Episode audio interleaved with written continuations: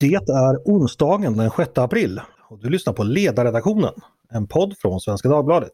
Jag heter Andreas Eriksson.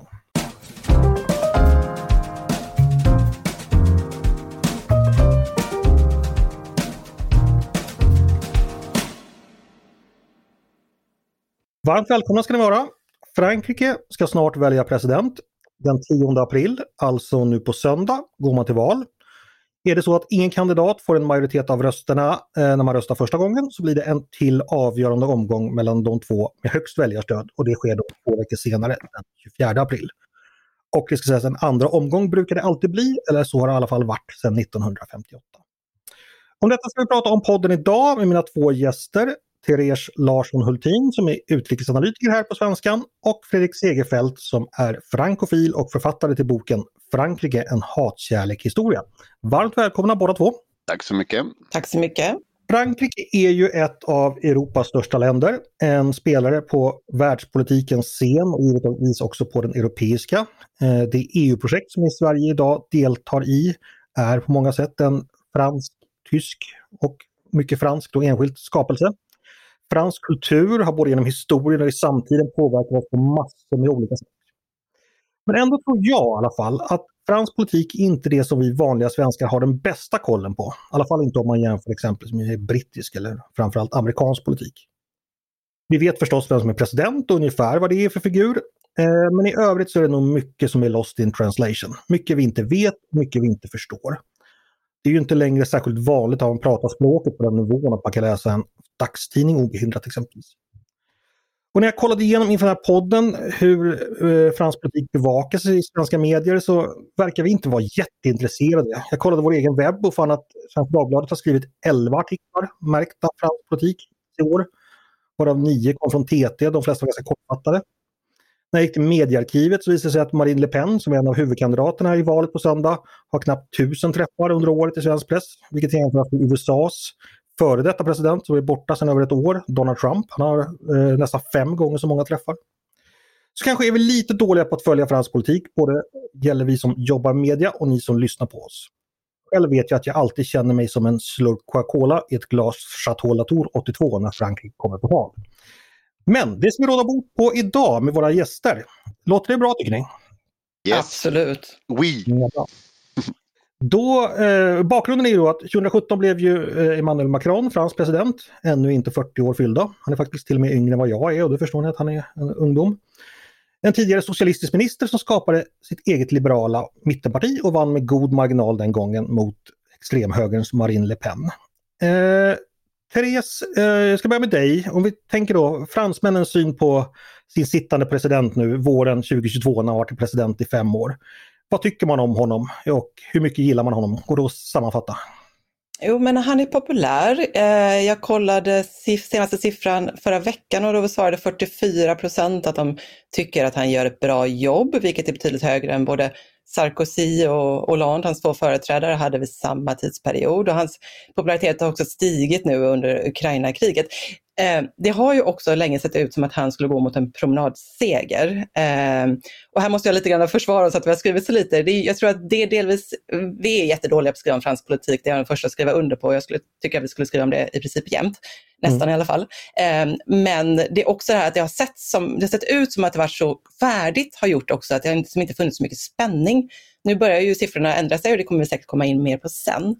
Eh, men eh, för att Ja, populär är han, men samtidigt så finns det, tittar man djupare ner i siffrorna så finns det också ett hat, det är väldigt starkt ord, men det finns ett hat mot Macron.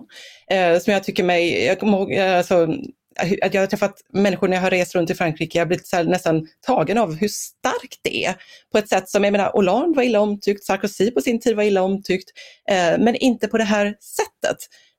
Um, och jag skrev en, en, text i helgen, eh, som publicerades i helgen, där jag, jag tog upp två böcker eh, skrivna av politiska, tunga politiska journalister i Frankrike som också skriver då att, att de har heller aldrig under sina långa karriärer upplevt ett, ett hat på det här sättet. Samtidigt som det finns de som älskar Macron. Um, han är liksom inte uppskattad, han är älskad. Han är inte avskydd, han är hatad, som en, som en skrev. Um, så det är mm. en blandad bild. Ja, jag kan, kan varmt rekommendera den, den, texten. Den publicerades som sagt i, i helgen som du har skrivit. Den här polariserade synen på honom, är det några speciella sakfrågor det kommer sig av eller är det liksom hans person man tycker är annorlunda olika om? Har, har du någon uppfattning om det? Ja men det är ju delvis, alltså fransmännen vill ju ha en president som på ett sätt är kunglig eh, och den sidan har han, men kanske lite för mycket överflöd. Eh, för han är en person som är en solitär. Eh, han beskrivs som att han sitter själv i Élysée-palatset och bestämmer allting. Visst, han har rådgivare, han lyssnar, men det är han som bestämmer. Eh, och han upplevs också som en arrogant person eh, som anses, jag tror att just det här att han var så ung när han, att när han eh, blev vald, att han såg som ett underbarn liksom, som hade mm. eh, gjort karriär genom Rothschild, inte bara två år men han tjänade stora pengar. Att han, att han var så framgångsrik och samtidigt lite grann så kändes det som att han såg ner på vanligt folk. Um, det har funnits episoder där han har liksom uppmanat arbetslösa, men typ kamma dig och skaffa ett jobb. Um, och, och, det tror jag ligger honom i fatet, att det känns inte som att han förstår vad vanliga fransmän går igenom just nu. Mm. Fredrik, om vi vänder oss till dig. Eh, vill du fylla i någonting kring eh, det Therese beskriver om Macrons status just nu bland de franska väljarna? Ja, men jag skulle vilja bara utveckla lite. Ehm, jag håller med om allt det som sades. Men han representerar ju också då, som ska man säga, den globaliserade, engelskspråkiga, välmående, Parisboende, bekväma pers personer som är bekväm i samtiden och de senaste decenniernas utveckling. Och eh, det står i bjärt kontrast med liksom en arbetslös eh, arbetare i ut, norra landsbygden i norra Frankrike eller någon som bor i en by där kaféet har lagt ner och nu kostar bensinen 20 kronor liter för man ska, man ska kunna köpa ett, åka till köpcentret. Så han liksom med sin person också ehm, eh, eh, representerar allt det som eh, de här människorna avskyr. Man brukar prata om le clivage, alltså uppdelningen eller så här klyf, klyftorna. Och de är inte, det, är inte, det är inte bara socioekonomiskt utan det är också liksom identitetsmässigt. Eh, vem, vem, han är inte liksom förankrad i den franska jorden heller. Va? Så det, liksom, det finns många olika dimensioner i det här. Um, Mm. Det, det pratas ju ibland om de som har och de som inte har och Macron är definitivt de som har president. Mm. Ja. Det här låter ju väldigt bekant från många andra politiska miljöer att man har då en urban eh, elit, eh, de här anywheres och så vidare som vi har diskuterat massor både i USA och Sverige. Är, är, det, är det en liknande uppdelning som vi ser i Frankrike som, liksom, ja, som vanligtvis diskuteras numera i politiken? Ja, men den har ju lite andra dimensioner. Det finns ju det, det, var någon sociolog som, som, jag tror han jobbar på något undersökningsinstitut som skrev någon bok häromåret som fick jättestort genomslag som handlade just om, om den här uppdelningen mellan de här människorna på landet och de här äh, staden. Och, och, där handlar det mycket liksom om, alltså i Frankrike de är, deras industrijobb har försvunnit. Va? Och, det, och de har liksom, la reindustrialisation som man pratar om, att man ska återindustrialisera, det ska man göra genom att ta tillbaka kontrollen eh, genom att få hem fabrikerna igen. Och få, så, så det finns en, en reaktionär sak där som, som, som, och han är ju en sån här um, han älskar EU, han älskar globaliseringen, han är liksom för öppenhet och sådär. Så det, det, är liksom en, ehm, ja, det är en perfekt konflikt egentligen mellan honom och Le Pen då, som står för den andra det, det, som jag tror kanske många i Sverige inte riktigt har greppat är hur snabbt Frankrike har förändrats också de senaste decennierna egentligen. Hur de här liksom, bagerierna, kaféerna liksom, har lagt ner i många städer, eh, liksom igenbommade och fransmännen tar, eller tvingas istället ta bilen ut till det amerikansk liknande köpcentret utanför stan. Mm. Eh, och, och, och, det är en bild som, som jag inte tror, när man tänker på Frankrike tänker man på små mysiga byar liksom, som lever. Och mm. de mysiga byarna är till stor del borta. Det finns självklart kvar massa mysiga byar, men det har hänt någonting. Och Macron är då representant, han har ju dels gått på alla de här rätta skolorna som man ska gå i i Frankrike och han har också då eh, haft tidigare haft en karriär då där man har tjänat pengar för så att säga den globaliserade ekonomin. Så då blir han en väldigt stark och tydlig motpol till just detta. Förstår jag er rätt då? Ja, han har kostymen som kostar 20 000 och allt. Ja. Så att jag menar, ja visst. Ja, minst. Ja, ja. Plus att han gick ju också till val förra gången på att reformera Frankrike, att modernisera Frankrike. Frankrike skulle bli en startup-nation mm. mm. eh, med grön inriktning. eh, mais oui. Ja, just det. Men hur har det gått då? Och vad tycker väljarna om det? Det har faktiskt gått ganska bra. De har ju alltid varit dåliga på det här med, med enhörningar och sådana här. Eh, de har, det finns ju inget eh, franskt Spotify. Liksom, de har ju alltid varit efter, liksom, de har alltid varit lite liksom bakom sådär. Va? Mm. Ehm, men nu har det liksom kommit igång. Det har liksom blivit en buzz kring eh, en, att ha fått en startup-scen i Paris som håller på med liksom såna grejer. Så det, de, han har ju lyckats reformera arbetslösheten är läg, lägst på 30 år och sådär. Så det, reformerna har ju funkat. Liksom. Mm. Fast man ska också komma ihåg att ja, absolut, och jag har besökt några av de här inkubatorställena i Paris, men det, han fick ju också en problematisk eh, presidentperiod för att en pandemi som satte stopp för jättemycket och liksom sett höjda priser etc. Så att det, och, och mycket strejker då när han skulle modernisera eh, tidigare. Eh, så att allt som han har föresatt sig har ju absolut inte gått, men han har mm. gjort ganska mycket. Vi ska återkomma till eh, pandemin och dess eventuella betydelse. Eh, Macron leder då kan sägas eh, alla opinionsmätningar som har publicerats. Och ungefär lika klar tvåa är den tidigare då omtalade Marine Le Pen eh, som är då en välbekant politiker för de flesta svenskar. Namnet Le Pen har ju varit aktuellt i svensk politik sedan eh, 1980-talet. Eh, Therese, vi vet ju alla att Marine Le Pen är extremhögern, eller en av extremhögerns kandidater. Eh, vad finns det mer att säga om henne som politiker? Eh, vad vill hon? Vilka är det som gillar henne och vad har hon att erbjuda som, in, som inte Macron har, tycker folk? Mm, jag måste bara först börja med att notera att, att Macrons kampanj försöker nu framställa henne som vad man på engelska kallar för the crazy cat lady, eh, mm. damen med katterna. Eh, hon har ju sex katter. Eh, men hon, hon, är ju en välkänd figur. Eh, hon försöker själv, hon värjer sig själv mot eh, stämpeln extremhöger. Eh, hon har velat lyfta fram att hon varken är höger eller vänster. Eh, och hon jo, har gjort upp med sin far så tillvida att hon liksom bytte namn på partiet, startade ett nytt Internationell Nationell samling heter de numera. Eh, hon är fortfarande invandringskritisk. Eh, hon är fortfarande kritisk, kritisk mot, mot EU, även, även om hon inte längre vill lämna, utan nu vill hon reformera inifrån. Eh, men hon är liksom den här den raka motsatsen till Macron kan man säga. Ehm, alltså det är henne som de här som då inte har ute på landsbygden gärna röstar på. Ehm, vi såg ju hur Erik Simor, den andra kandidaten, journalist, eh, seglade upp och tog många av de här väljarna i början av liksom, slutet av förra året. Eh, han har nu sjunkit igen och hon har stigit. Ehm, hon har likt Jimmie Åkesson tonat ner sig, tonat ner, liksom flyttat sig själv längre in mot mitten. Eh, invandringen är inte den stora frågan i det här valet. Eh, hon har med det i sitt partiprogram, absolut, men det är inte det som hon kampanjar på utan det är levnadskostnader. Mm. Det är den stora frågan. Och hon Just försöker det. ställa sig själv på vanligt folks sida. Det är mm. liksom det viktigaste för henne och där har hon väldigt hög trovärdighet. Mm. Eh, Fredrik, lite samma fråga till dig. Eh, Marie Le Pen, vilka är det som står bakom henne? Varför gillar man henne eh, och föredrar henne framför Macron? Jag vet vad ska fylla i, det var ju det, precis det som Therese sa. Men hon har ju varit väldigt framgångsrik i det som man kallar för franska för deobbalisation, alltså av normaliseringsprocessen. Hon har liksom tagit stora, mm. stora förändringar och hon har också, hon har också väldigt mycket byggt på att vara liksom charmig och mysig som person. Och sen så eh, har ju det här, har ju att Zemmours ehm, eh, roll har ju varit att trycka henne mot mitten, att göra henne mer naturlig. Hon är inte längre längst ut på högerkant utan det finns någon som är ännu tokigare. Va?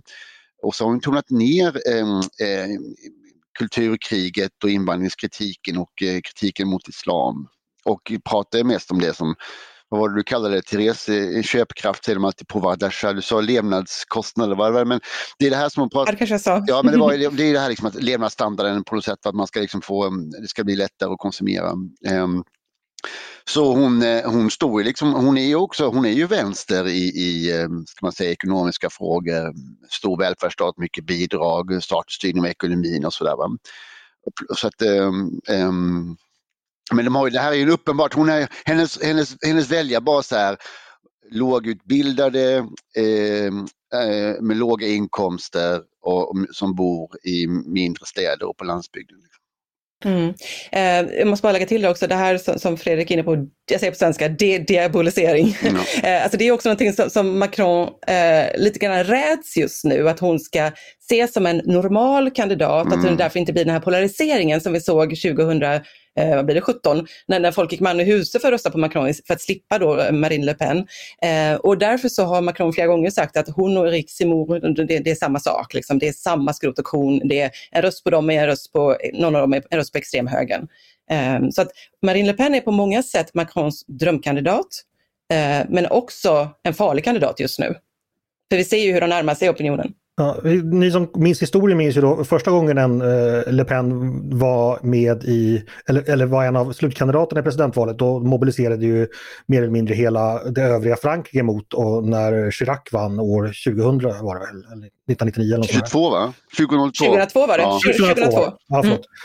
eh, jag tänker så här, Fredrik var lite inne på det, så här gammaldags frågor som höger och vänster som politiken brukade vara förut. Eh, vad skulle ni vilja placera de två huvudkandidaterna Le Pen och Macron på en höger-vänster-skala? Fredrik, du sa att eh, då den jag kallade extremhögerns kandidat är kanske mer vänster på den gamla höger-vänster-skalan.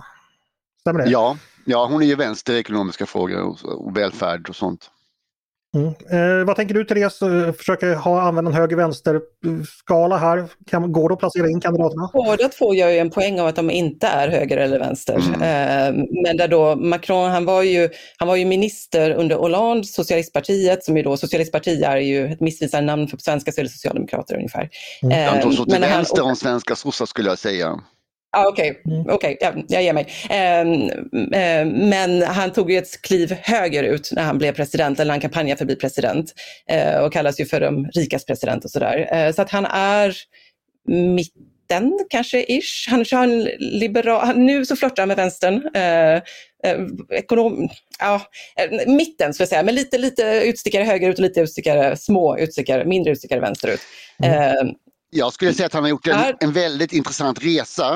Eh, han började som liksom, eh, varken höger eller vänster, blev någon slags ska man säga, svensk folkpartist ungefär. Och sen mm. har han gått högerut under hela mandatperioden. Eh, 2017, före valet, så var han i Algeriet och sa att, eh, att eh, den franska kolonialismen var ett brott mot mänskligheten. Liksom. Ehm, eh, och sen har han liksom i såna här kulturkrigsfrågor rört sig högerut, blivit mer kritisk mot eh, islam och såna här saker. Hans, bägge hans premiärministrar är utpräglade högerpolitiker, finansministern kommer från högern och så vidare. Så han har ju varit, eh, rört sig åt höger under hela sin mandatperiod. Det är först nu, de senaste, senaste veckan, som han tagit ett steg vänsterut och börjat prata mer om bidrag och så För, förutom också att under hela pandemin så var det ju väldigt mycket offentliga utgifter och eh, han får ju kritik från den traditionella högern för att han inte har hållit i pengarna. Mm, jag håller med, och det var det jag menade med de här små utstickarna vänsterut, att han under pandemin ju har strösslat ut pengar Verkligen. för att hålla igång ekonomin. Och, liksom ja. så här. och det får väl ändå anses vara och sen, sen på hans tal då här i helgen så lovar han ju massa ja. bidrag igen och sådär. Ja, och massa nya sjuksköterskor och äldrevården och så vidare. Mm. Mm. Eh, vi ska också beröra de andra, några andra kandidater också eh, som kanske inte då kommer gå vidare till den sista omgången men det är intressant att veta var deras väljare tar vägen. Eh, tänkte börja Therese med eh, Jean-Luc Mélenchon. Eh, uttalas. Eh, det är vänsterns kandidat. Han är på en ganska stabil tredjeplats i opinionen just nu och har gått ganska bra. Vem är han och vad vill han? Eh, han är inte vänsterns kandidat, han är den vänsterkandidat som det går bäst för. Det finns ju ja. flera stycken. Liksom. De hade en diskussion om de skulle ena sig bakom en kandidat och det bidde ingenting med det. det var liksom, de ville inte. Men han ligger på runt 15-16 procent i mätningarna nu. Han har stigit ganska mycket senaste. Han är, han var, han är den kandidat som står längst till vänster, absolut. Han var trotskist, var sedan minister under en kort tid liksom, under Lionel Jospin. Lämnade part, eh, det partiet och startade sitt eget parti lite senare, La France Insoumise, som väl betyder ungefär okuvat Frankrike. Um, han beskrivs ofta som en vänsterpopulist. Det här är tredje gången han ställer upp. Han vill se ett helt nytt Frankrike.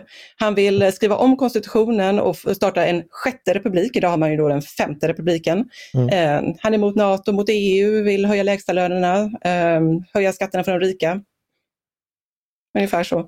Ja, det anses vara väldigt radikal eh, mm. och kanske inte tillräckligt statsmannamässig av många. Det här med att lämna NATO i dessa tider, jag tänker i Sverige har vi ju vår NATO-diskussion nu, men är det en populär åsikt inom fransk vänster eller bland väljarna i allmänhet att Frankrike bör ställas utanför NATO? Jag har inte sett några mätningar på det, jag vet faktiskt inte, men vad jag, om jag, liksom, vad jag har hört så, så verkar det, det är en udda position. Liksom. Mm. Mm. Fast man, alltså det finns en anti-amerikanism ja, ja. och Frankrike lämnade ju den militära delen av NATO och var liksom inte medlem under fyra decennier eller någonting tror jag, lång tid i alla fall. Eh, så det finns ju liksom ett, ett ja, inte motstånd kanske är för starkt ord, men en skepsis. Mm. Eh, och Macron kallar ju NATO för hjärndött för några, för några år mm. sedan i en intervju med Economist och sådär. Men, och det här mm. det, det är antiamerikanism, det är också att man har en helt annan relation till Ryssland. Man tycker att mm. man har man, man liksom, en helt annan diskussion i grundansats som är liksom Ja, men Ryssland finns där, Ryssland är en stor europeisk civilisation och eh, vi är tvungna att förhålla, förhålla oss till den. Liksom. Så det, det, är helt väsensskilt. Um, eh, och sen så finns det här liksom att de tycker att de är en stormakt själva, de ska inte behöva andra för att kunna vara en stormakt. Alltså det är det här um, så det är ju populärt. Den franska kulturen. Ja, de, har ju helt, de är ju en helt sjuk självbild. Men, eh, ja. Uh, ja, uh, vi ska uh, ta upp ytterligare en kandidat. Men får jag bara säga om förlåt, men alltså, man ska, det, han, är, han är ju en chavista, va? han var också en putinist, så att han, liksom, han är en apologet för mm. förtryck. Va? Det, är liksom, det, är inte en, det är inte en sosse utan det är en sån här kille som, som, som som, som snarare häng, som beundrar auktoritära ledare runt om i världen. Mm. Så att det, utrikespolitiskt är det en riktigt farlig person. Men har han också blivit mer accepterad, precis som ni beskriver det, diaboliseringsprocessen? Man, man, man, kan liksom vara putinist och ändå tämligen populär, låter det som. Ja, det, det, det sjuka var, jag, precis innan jag gick in i den här podden så lyssnade jag på en annan podd där Erik Zemmour fick frågan om varför var det bara han som um, som fick lida av sin förhåll, sitt förhållande till Moskva efter invasionen. Mm. Le Pen och Mélenchon har ju stigit sedan dess. Va? Och det förklarade, det förklarade eh, Zemmour med att hans väljare är liksom eh, medelklass och borgerligheten på något sätt, va? borgerskapet. Och de är mycket mer, de bryr sig mycket mer om sånt. Eh, mm. internationella frågor medans, medans välj, eh, ja, det säger han själv då, det vet inte hur det är men det, det är den vanligaste förklaringen, vilket är väldigt konstigt. Så Mélenchon har också sluppit det. Och för att han då liksom har eh, väljare som inte är så engagerade i sådana frågor. Men jag vet inte. Men Mélenchon har väl tagit avstånd för invasionen och sådär nu eller? Just det, jo det har de aldrig ja. Mm. Ja, precis. Nu kom du in på Erik Semor, eh, Fredrik, en annan hö högkandidat. Han har ungefär... Jag vill bara säga en sak innan Semor, förlåt. Men, ja, men det som är viktigt nu också här inför andra valomgången är ju vad just vad Mélenchons väljare kommer göra. Ja. Mm. Kommer han liksom uppmana dem att gå och rösta då på Macron eller på eller att de ska lägga ner sina röster eller att de ska stanna hemma. Eller, så det är en väldigt viktig väljargrupp. Och jag tror också det är därför som, som Macron på det här stora mötet i lördags liksom, gjorde sina små instick vänsterut. Mm. Eh, precis, vi har, nu har vi pratat mycket om Simon redan, den andra eh, högerkandidaten. Eh, han har ungefär 10% av väljarna bakom sig just nu. Eh, Fredrik, berätta, vem är han och vad gör han? Ja, han är en väldigt eh, udda figur. Han, han, eh, för det första så är han då jude från Algeriet. Eh, alltså hans föräldrar flyttade hit på 50-talet. Eh, eh, han har varit eh, journalist från början, sen blev han liksom mer tyckare, skrev debattböcker, jag brukar säga som en svensk Ivar Arpi ungefär. Mm. Alltså väldigt känd, eh, väldigt mycket, eh, han, sitter, han har egna tv-program i tv och så här, väldigt känd för debattör från, från olika debattprogram. Um, sen så började det mullras liksom i våras om att han skulle eh, ställa upp som en kandidat. Um, och det startades gräsrotsrörelser och så, och så, och, sen, och så började han. Uh, och han sin kandidatur och han steg ju som en raket under hösten. Fransk media var helt besatt av honom. Det enda man pratade om under hela hösten var Zemmour, Zemmour, Zemmour.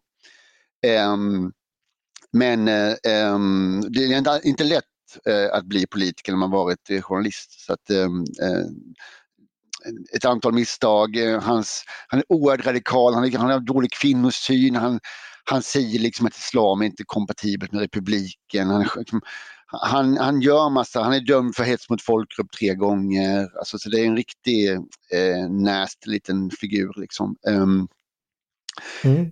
um, och han är då han är då ekonomiskt höger också till skillnad från Le Pen, men det enda han bryr sig om är ju kampen mot islam. Mm. Therese, vill du komplettera någonting angående Simor och hans eh, Ja, men på tal om hans unkna, jag måste bara säga om hans unkna kvinnosyn, alltså han säger ju saker som att eh, kvinnor är mindre intelligenta liksom, och hyllar det manliga geniet och sådär. Ehm, men ja, alltså, det är ju som Fredrik var inne på innan, det är ju liksom mer en borgerlig väljare eh, som har, alltså han blev ju programledare på då, typ motsvarigheten till Fox News, om vi ska hårdra, eh, och sa saker som passade vissa typer av väljare, liksom, eh, men då mer de vanliga republikanska väljarna. Eh, för Republikanerna är ju ett parti som, precis som, som PS, de här stora klassiska folkpartierna, mm. och då menar jag inte Liberalerna, utan de breda partierna, är ju liksom, båda är ju nästan till raderade ur fransk politik. Pécresse, Valérie Pécresse som är ju då Republikanernas kandidat, hon ligger väl på runt 10, strax under 10 procent någonting just nu. och PS kandidat ligger på 2 procent, Anne Hidalgo. men han lyckades liksom fånga republikansk, de republikanska väljarna framförallt skulle jag säga. Jag såg, jag tror det var någon vecka sedan så där, så det talades mycket om att Simons anhängare på något möte skrek om att eh, Macron skulle vara en mördare. Vad, vad, vad menar de med det? Vad var av detta utbrott? Då? Det, var, det var så att eh, Zemmour, det var ju på Trocadero i Paris och det var, liksom, och det var, tiotusentals människor. Det var liksom så här det största mötet som hade ägt rum hela valrörelsen. Och då hade Zemmour precis dragit massa namn på människor vars an, nära anhöriga hade dödats av terrorister. Och, så och, mm. då, och då uppstod det liksom en, en um, Macron assassin, Macron assassin. Med resonemanget att det var Macrons öppenhetspolitik som hade släppt in de här muslimerna som sedan hade dödat fransmännen. Ehm, men Macron, eller Zemmour hävdade att han inte hörde det för det var utomhus och eh, han hade ingen möjlighet. Liksom att, eh, för att han, han fick kritik sen för att han inte sa till. Ja, okay. Ehm, eh, men han sa bara, jag hörde inte vad de sa, det är helt omöjligt. Ja. det var någonting jag såg i nyhetsflödet. Ja. Eh, vad, finns två stycken då kandidater som, ja, även om hon inte själv beskriver sig som extremhöger så kommer hon därifrån. Är det så enkelt att Le Pen har då blivit så pass eh, accepterad och etablissemangs kandidat att det helt enkelt öppnade platsen för ytterligare en längre till höger. Vad säger du till det? Är det den enkla analysen eller? Eh, jag skulle nog snarare säga att han tog sig platsen, han slog sig in liksom och i och med att han var så mycket längre ut än vad hon är så blev, i kombination med att hon själv har försökt förflytta sig också i och för sig, men hon framstod som så mycket mindre radikal än vad Simor är. Mm. Okej. Okay. Eh, jag tyckte det var intressant det ni sa tidigare, där att de två stora partierna tidigare då eh, nu, deras kandidater har minimalt stöd, alltså Mitterrand och Hollandes socialdemokratiska, eller socialistparti då, eh, 2 bara stödjer. Vad är det egentligen? Det här är ju självklart för er som följer fransk politik, men jag tror inte alla har hängt med. Hur, hur kommer det sig att de här två stora vänster och högerpartierna har, har kollapsat helt enkelt i opinionen? Vad är det som har hänt? Kan ni bara ge oss en kort Ja, men, orientering för, först måste man, eh, först måste man eh, eh, förstå att fransk politik är lite annorlunda än vad den här. Alltså, man, man, eh, man, det är ofta knutet kring en viss person Alltså högerpartiet har just het olika, hetat olika saker genom tiderna. Alltså LR då, det Republikan, det, det grundades väl av Sarkozy tror jag på 00-talet. Mm. Innan hette de ju RPR som då hade grundats av Chirac. Så, så att de, de här förnyas ganska ofta. Eh, socialistpartiet är väl äldre men inte, var inte heller det stora. Det var, var ju Radikor från början som var de stora. Så det, det har gått upp och ner i, i, men det är en enormt stor strukturell förändring. Tänk om Socialdemokraterna skulle få 5% i ett riksdagsval och, och Moderaterna skulle få 7 det, liksom det, det är så stora förändringar. Men det, det har ju fångats upp på andra sätt. äm, äm, Mélenchon spelar mycket den rollen som, som Socialistpartiet gjorde tidigare och, och kom ju därifrån från början. Men det, det, här är också en, ett uttryck för att konfliktytorna, är, ja, vi pratar om Galtan i Sverige och sådär, det, det är andra konfliktytor än, än den vanliga socioekonomiska, ska vi ha högre eller lägre skatt eller mer eller mindre bidrag. Liksom. Mm. Therese, vill du komplettera det Fredrik beskriver ja, om de strukturella alltså, förändringarna? Jag tror att, att båda partierna lite grann är lite vilse, tappat kompassen och så har de då inte lyckats få fram tillräckligt starka kandidater. Eh, Valérie Pécresse som då är för Republikanerna, hon eh, i början efter att hon, de hade ju ett primärval som hon vann. Eh, och i början såg det ut som att hon skulle kunna utmana Macron på allvar och liksom mätningarna visar att om det skulle vara hon och han som gick vidare till en andra valomgång så skulle hon till och med kunna slå honom. Eh, en mätning var det. Till, okay. ja. Men hon kom nära ja, i alla fall. Hon var den som gjorde bäst ifrån sig då. Um, och hon har sen liksom inte lyckats leverera. Hon har gjort ganska dåligt ifrån sig på de här mötena hon har hållit och sådär. Hon har liksom inte lyckats slå sig igenom bruset. Och jag tror liksom kombination av svaga kandidater och vilsna partier. Men det finns också en sak, alltså varken under merparten av, av republikans tid så har det varken funnits en Macron eller en Zemmour. Utrymmet mellan Nej. Macron och Zemmour är ganska litet och där har, har hon inte liksom lyckats eh, skapa sig en yta. Därför att eh, det finns inget skäl till att rösta på just henne. Antingen gillar man liksom det hårdföra antimuslimska eller så är, är man lite liberal och öppenhet och då röstar man på, på, på, på presidenten. Eh, så att eh, hon äts helt enkelt upp liksom av, av de här andra mm, två. Helt sant. Helt sant. Men eh, om vi ska gå då till lite eh, skarpt läge. Eh, det görs ju också opinionsmätningar då där man bara jämför två kandidater mot varandra eftersom det förmodligen kommer bli så i en avslutande omgång. Och eh, som Therese sa lite inledningsvis, eh, Macron har ju haft en stor ledning då mot, mot övriga kandidater men bara de senaste veckorna har jag sett att det börjar tajta till sig lite och att det är inte helt självklart längre att han kommer besegra då eh, Le Pen som ser ut att bli motkandidaten. Vad är det som har skett de senaste veckorna? Är det bara att det närmar sig val och folk blir mer osäkra eller är det, är det några skarpa frågor som har avgjort? Eh, vad säger du Fredrik? Alltså, det, senaten hade en rapport som visade att, att man hade köpt tjänster av konsultbyråer mot, som McKinsey för en miljard euro. Och de, som visade sig att McKinsey inte betalar skatt i Frankrike. Och den frågan sammanfattade ju hela det som är Macron. Näringsliv, en amerikansk konsultbyrå, något konstigt. Varför kan inte den franska staten, vi har ju de bästa eh, kvalificerade statstjänstemännen i världen, säger de så här. Va? Vad är det med den här liksom pro-engelsktalande presidenten vi har, den här snubben med sin kostym som åker kring i världen och, och lajvar liksom managementkonsult. Så kan vi inte ha det liksom. Um, så, så, så det, det, har liksom, um, och så kommer liksom då Le Pen vad som försöker säga, men jag vill ju att arbetarna på Renault ska ha kvar sina jobb. Och det liksom blir en perfect, det blir en perfect storm för henne med den här grejen. Mm. Mm. Eh, och i kombination med... Ja, men kombinationen med att Macron då knappt har kampanjat. Så nu har han ändrat sig för nu börjar han bli orolig för Le Pen. Eh, så nu, har han, liksom, nu börjar han synas mer. Men han, han var fullt upptagen med att vara statsman och att prata med Putin och att medla. Liksom. Så att han har liksom inte varit del av valkampanjen. Han deklarerar ju inte att han ville ställa upp för liksom i allra sista stund. Eh, och liksom presenterade först inte ett program utan det, det, det dröjde allting. Alltså, det fanns en känsla av att han kanske tog det här för givet och inte, alltså återigen den här arrogansen, liksom, att han inte mm. liksom, ansträngde sig. Och också då i kombination med att, med att Le Pen, hon hela tiden tog upp det här med att det har blivit så dyrt, det har blivit så dyrt, det har blivit så dyrt. Jag förstår hur jobbigt det är för er att tanka bilen och att ha råd och liksom, eh, ja, med allting. Eh, Medan då Macron svävade någonstans ovanför folket och inte engagerade sig. Eh, och det har han fått liksom lite grann äta upp och det är därför vi nu ser en annan Macron också. Mm. Kommer eh, Le Pen att hinna i kapp och förbi? Vad tror ni? Nej, jag tror inte det. Nej, det tror inte jag heller, men risken finns. Mm. Mm. Eh, det var en sak som ni nämnde tidigare, det här med vad som händer med de andra utslagna kandidaternas väljare. Så vidare. Eh, hur funkar det så att de kandidaterna helt enkelt ber sina väljare att rösta på någon annan och det brukar följas? Eller hur, hur, hur fungerar det så att säga? Ja. Det, det, är så? Ja, ja men så, så är det ju. Det, det, är väldigt viktigt. De, de får redan frågorna liksom, och de vill, vill, alltså, alla kandidaterna får frågor. Vem, om inte du går vidare till andra omgången, vem, vem kommer du stödja då? Va? Så det här är det, mm. det spelet har ju varit, liksom, stått i centrum för stor del av debatten eh, um, och det vägrar de alltid svara på. Mm.